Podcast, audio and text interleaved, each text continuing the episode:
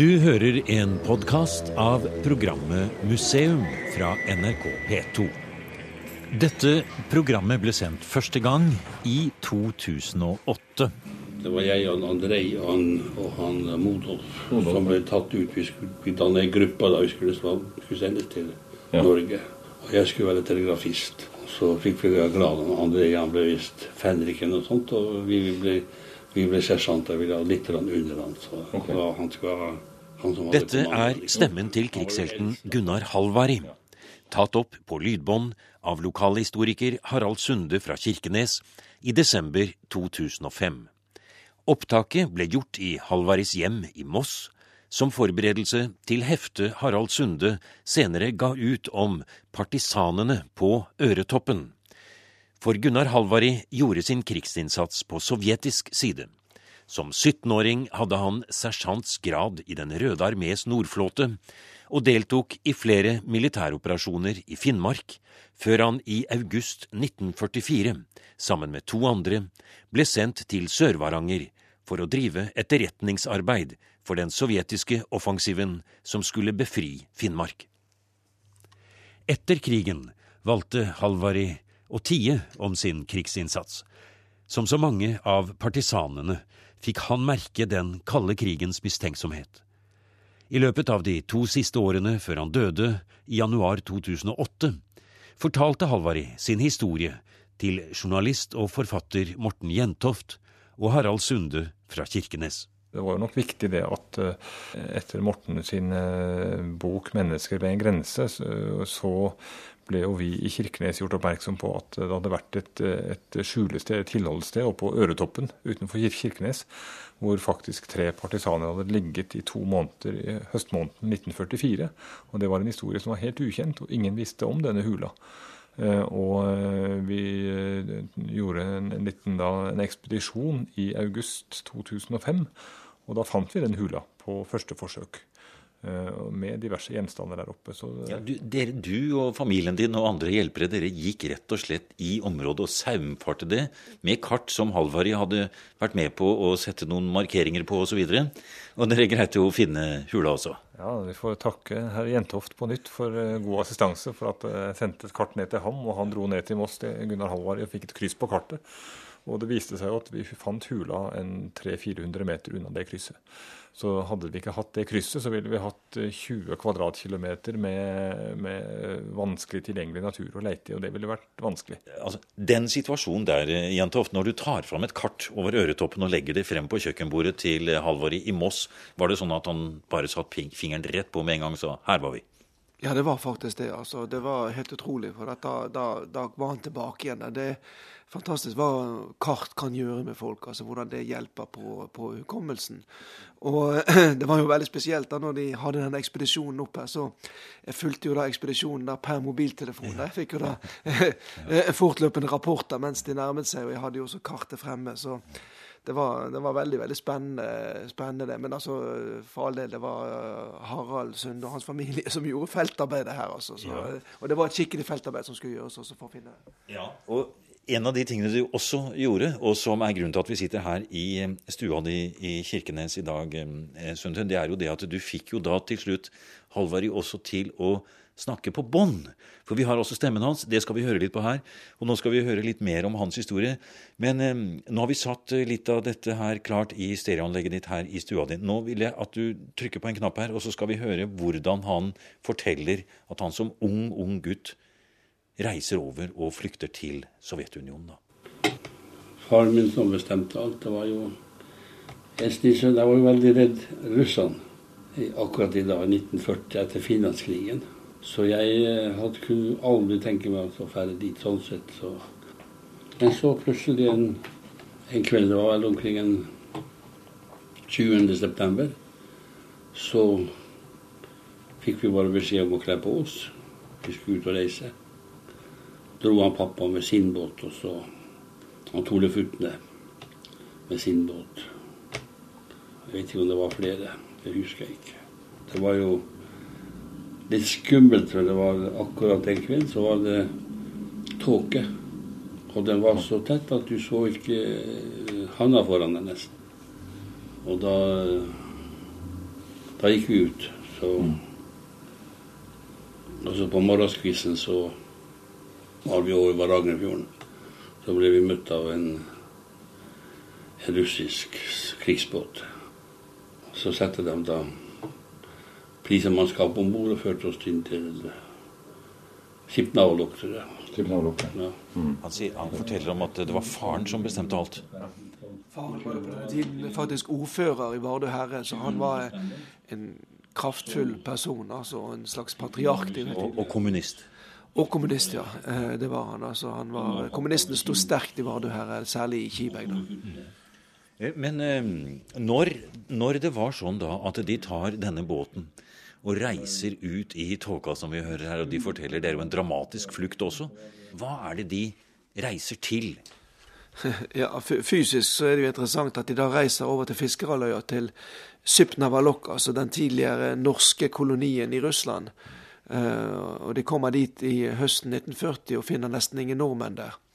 For det, eh, det de ikke vet, er jo at eh, faktisk den norske befolkningen der allerede er tvangsevakuert. Og, så de kommer til, til Russland, Sovjetunionen, og blir da også internert fordi at de har forbrutt eh, på en måte Sovjetunionens lover ved å komme ulovlig inn i landet. Så mannfolkene blir da internert, eh, satt i fengsel, forhørt grundig den første tiden etter at de er kommet over, mens eh, kvinnen og barna da for så vidt eh, ikke blir internert, men blir holdt det i en leir.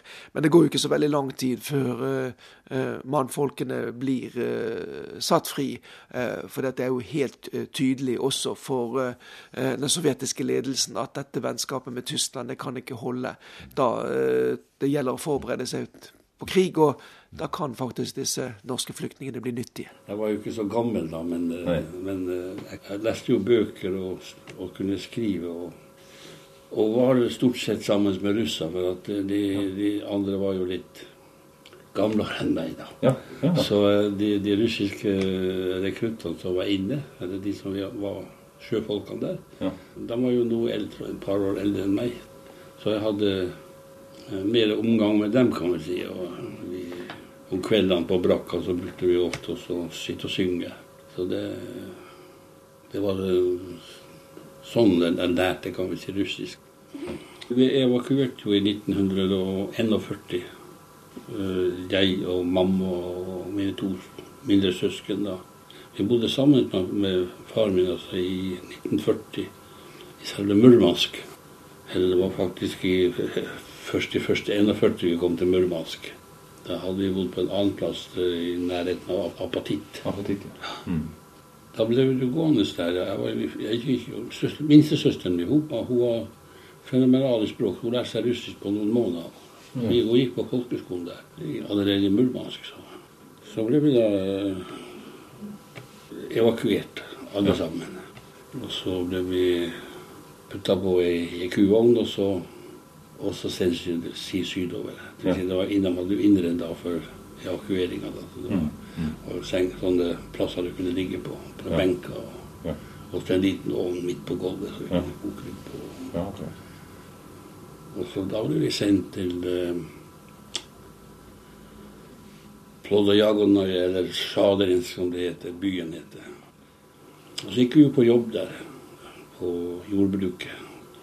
I slutten av 43 så kom faren min, og så kom de med en delegasjon fra, fra flåten oppover da.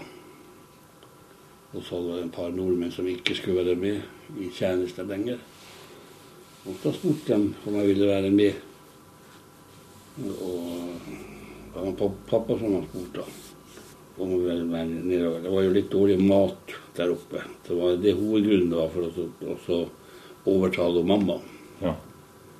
Så da ble jeg med i 1. januar i, i 43. Ja. Da kom jeg i militæret først. da, i Du hadde telegrafiopplæring, men var du opplært? det fikk jeg i landa. Så jeg lærte telegrafi der. og jeg, var, jeg ble flink, jeg hadde også gode evner for det, så jeg hørte veldig godt. Og, og, og lærte meg også å sende signaler veldig godt. Jeg var allerede på, på sommeren i 43 så kunne jeg sitte på selvstendig vakt. Ta imot uh, de her som var i Norge, da. De sendte jo telegrammer, så vi hadde jo 24 timers vakt. På radiostasjonen vi hadde liten. Akkurat. Fra de andre partisanene som lå Ja, langs kysten? ja, ja. Ja, ja. Så vi var jo Vi drev jo på og øvde til stadighet, så vi var jo Ja. ganske godt opplært akkurat i det. ja akkurat. Det, det var nok en, en, en, en tanke bak det at man skulle sende disse nordmenn eh, bak Ural og til Sjadrinsk. Altså, dette er et eh, relativt rikt jordbruksområde. Altså, der vil de eh, hele tiden ha tilgang i hvert fall til et minimum av mat. Det var jo ikke sikkert at det var det oppe i Murmansk. Men samtidig så er det jo da eh, noe helt nytt. Her er det jordbruk det handler om. De blir plassert på eh, en frukt- og bærfarm, et sovhos, altså et statsbruk. Eh, og eh, livet blir jo helt, helt annerledes enn det de er vant til eh, i Kiberg, da de fleste da var fiskere eller fiskerbønder. Og så er det jo egentlig en ganske gripende og dramatisk eh, historie han forteller da når hans da far kommer på besøk bort til familien som er der. Eh, han er reist fra Murmansk. Eh, og det skjer jo egentlig en veldig dramatisk ting når, når faren, denne tidligere ordføreren, eh, tar for seg sønnen sin og forklarer hva som må gjøres. Ja, altså Alfred Halvary han kommer til eh, Sjadrinsk, til den eh, norske kolonien, altså til kvinnene og barna, fordi at eh, det er gått, kommet brev til Murmansk fra disse som forteller at forholdet der er dårlige. Altså Det er dårlig med mat, det er dårlig med husrom, altså de lever usselt. Og han reiser da som en slags sånn leder for dem i kraft av å være tidlig ordfører ned for å prøve å ordne opp med dette her, i dette her. Og har også med seg representanter ifra eh, NKVD og fra Nordflåten eh, for å liksom sette makt bak kravene. Og da er det da Gunnar Gunnar i da får da dette tilbudet, eller kanskje like mye en ordre, om at han bør verve seg og bli med tilbake igjen til Murmansk. Og eh, dette er ikke bare fordi at man mener at det kan være nyttig å ha han der oppe. Faren mener nok også det at eh, forholdet, tilgangen på mat for en unggutt på 16 år, er bedre da oppe i Murmansk, som er et prioritert område. Sant? Fordi at det er eh, området, baseområdet. Få mer forsyninger. Faktisk forholdet der kan være bedre enn i Sjadrynsk. Altså motsatt av det som egentlig var tankegangen når de, når, når de ble sendt ned dit. Og så, så sier jo da eh, eh, den 17 år gamle Halvard ja til dette her, og han lærer seg telegrafering.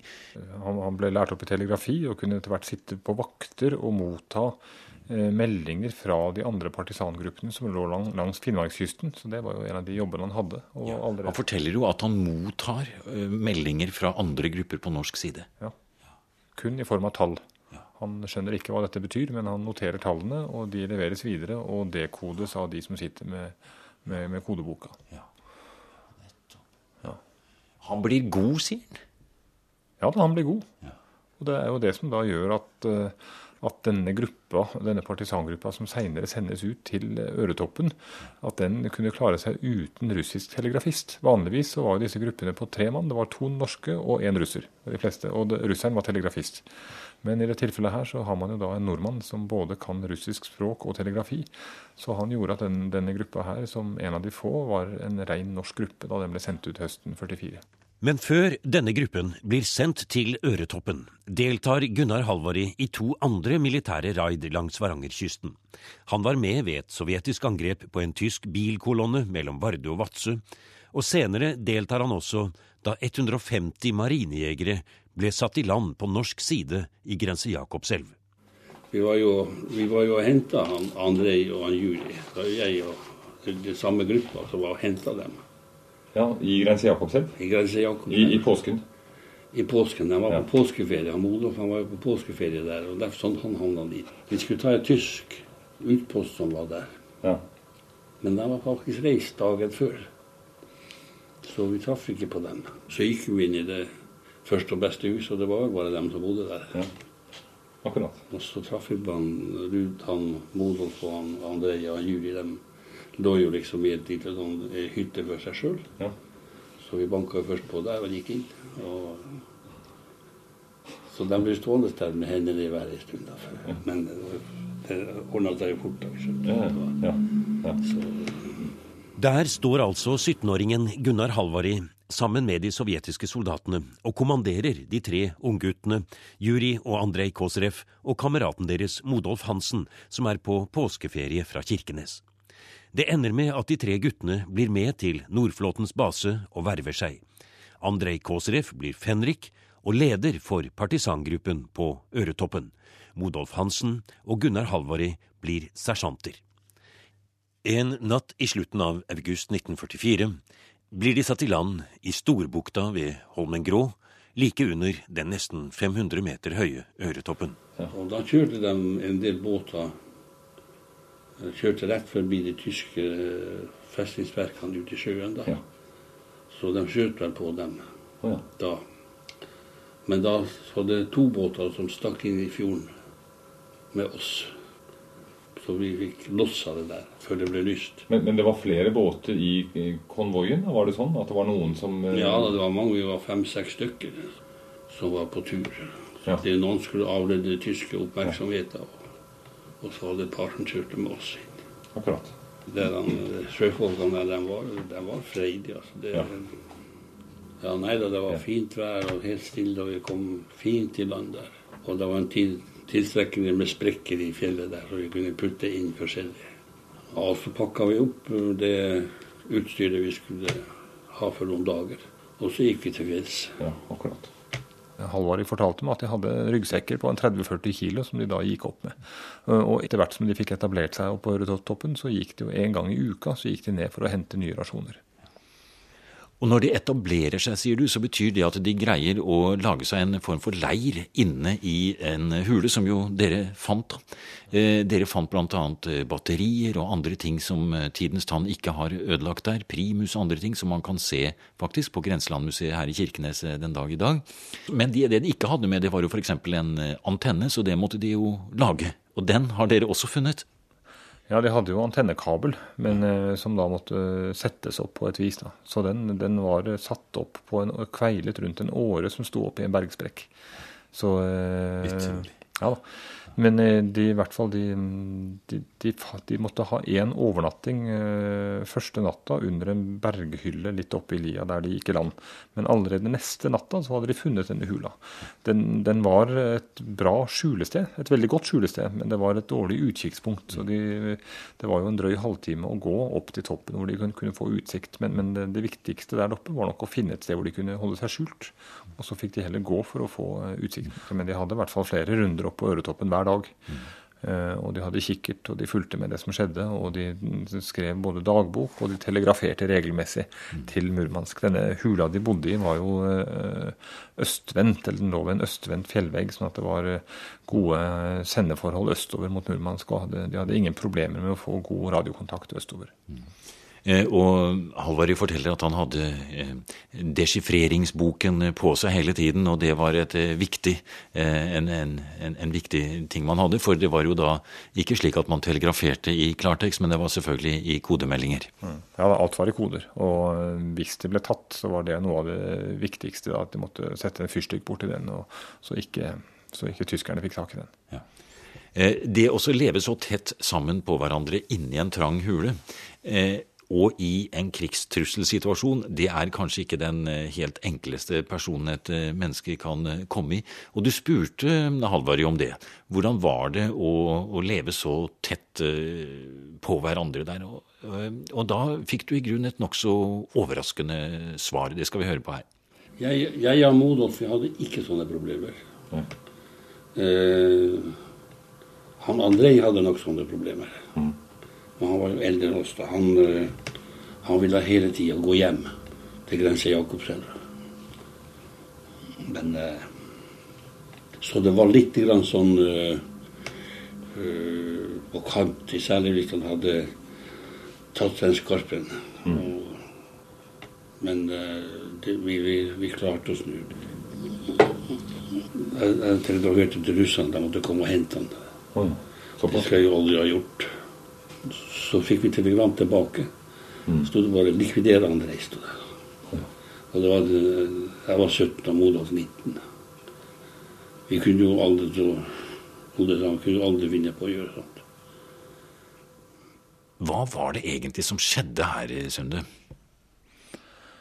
Nei, Det virker i hvert fall som at den største konflikten som eh, kom i, forbindelse med denne partisangruppen, det var ikke, det var ikke trefninger mellom partisaner og tyskere, men det var gnisninger og for så vidt trefninger internt i gruppa. Eh, det er ikke lett å eh, skulle ligge og, bo under sånne forhold og bo så tett med folk som man egentlig ikke har noen forutsetninger for å, å kjenne eller vite om kjemien stemmer.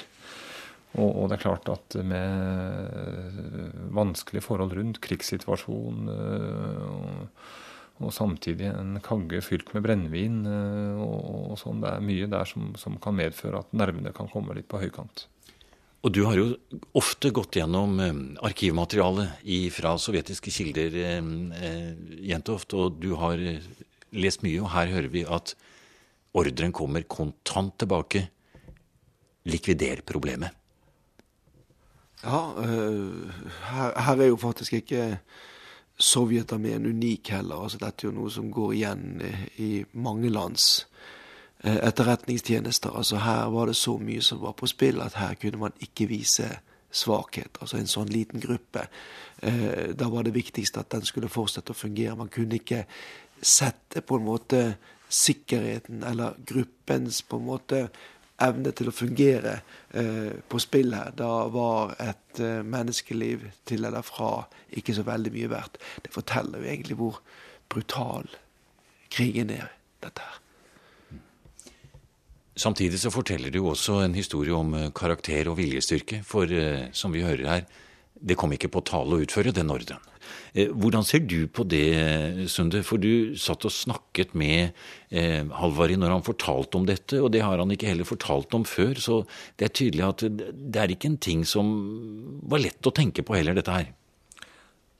Nei, jeg tror generelt at eh, det å, å, snakke om de uoverensstemmelsene de hadde oppå fjellet der, det var ikke noe, noe lett sak. Og jeg tror i hvert fall det var eh, forferdelig fjernt fra Gunnar Halvaris tankegang i det hele tatt at å skulle mm. tenke på å utøve den type vold mot sine skal si, de han kamperte sammen med. Ja, for han ba jo om at Nord-Armé måtte komme og heller avløse Kåserev. Ja da, kom og hent ham. Det var det de sa. Og så var svaret likvidere ham. Mm. Og eh, vi, vi, startet jo denne samtalen med å tenke oss eh, eh denne krigsveteranen, partisanen, som da har valgt å bosette seg både i Spania og i Moss, han har altså da ikke sagt noe om dette i det hele tatt. Har opplevd det han opplevde, og sett det han har sett. For de fikk jo der på Øretoppen også se eh, deler av eh, invasjonsstyrken, frigjøringsstyrken fra, eh, som kom innover og frigjorde Finnmark. Og ingenting av dette har blitt fortalt før da til dere to. Nei, de, de, tre eh, som lå på Øretoppen, de ble enige seg imellom om å eh, holde kjeft når de kom ned. De ville ikke eh, fortelle. Og jeg spurte Gunnar Halvari om dette var med bakgrunn i at han hadde skrevet under noe taushetsløfte til, til Sovjetunionen, men det benektet han. Eh, det fantes jo et sånt taushetsløfte, den såkalte murmanske eden, hvor man da eh, lovet at man skulle holde kjeft og ikke mm. varsle noe. Men, men han sa at nei, dette her var rett og slett eh, på bakgrunn av at de, de, de ønsket fred og, mm. og, ville leve et, et rolig og fredelig liv, og da var det best å holde kjeft om det som var skjedd. Det er en kontrast man ser for seg der, Jentoft, å bo i en stille by på på Østlandet, hvor krigshistorien jo var helt annerledes eh, enn det som da han selv hadde opplevd, og så ikke si ett ord til noen. Ja, det er jo noe av det skal du si, sånn sett mest interessante med denne historien her. Det er jo den historien som han da ikke velger å fortelle. altså. Jeg vet jo også at uh, dette var jo noe som gjorde ham uhyre suspekt da i norsk, i det norske overvåkingspolitiet. Og det er klart at Gunnar Halvard med sin bakgrunn som telegrafist i Nordflåten, han eh, ble mistenkt da eh, for å fortsette å jobbe for eh, Sovjetunionen også etter krigen, og var under intens overvåking faktisk helt fram til nesten 1980. Selv om han jo allerede på 1950-tallet tok avstand fra farens kommunisme. Nei, det var en uh, beskjeden uh, mann som ikke hadde veldig mye krigsstaffasje på veggene. Det var et diplom som han hadde fått fra kong Olav i 1984. Det var det eneste jeg kunne se at var på veggene der. Og, og ellers så var dette her en sak han hadde lagt lokk på i veldig mange år, og som først de aller siste årene før hans død egentlig var noe som kom fram. Og denne anerkjennelsen Morten Jentoff, som hang på veggen der til Gunnar Halvari, det var en veldig viktig anerkjennelse. Den kom sent, men den betød mye for akkurat den typen krigsdeltakere. Ja, eh, den kom jo sent. Den kom jo på en måte etter at det på begynnelsen av 1980-tallet først og fremst etter uh, Kjell Fjørtovs bok 'Lille Moskva' ble fokus på den innsatsen som uh, de såkalte partisanene da hadde gjort for frigjøringen av Norge. Uh, sånn at etter det så fikk de jo da en anerkjennelse sendt i posten. Og jeg spurte han også hadde du ikke noe medaljer fra Sovjetarmeen da? Nei, ja, han hadde visst et eller annet sted, men det var ikke noe som han hadde hengende fremme. Og det er jo på en måte kjernen i historien her. Altså han, han har hatt en krigsinnsats som han har holdt skjult. Uh, og først da, kan du si, uh, eh, 40 år etter krigen får han da en anerkjennelse fra norsk side, som han er glad for, men som har da en, en bitter bismak også. Du har nå hørt en podkast av programmet Museum fra NRK P2. Og send gjerne en e-post til museum krøllalfa nrk.no.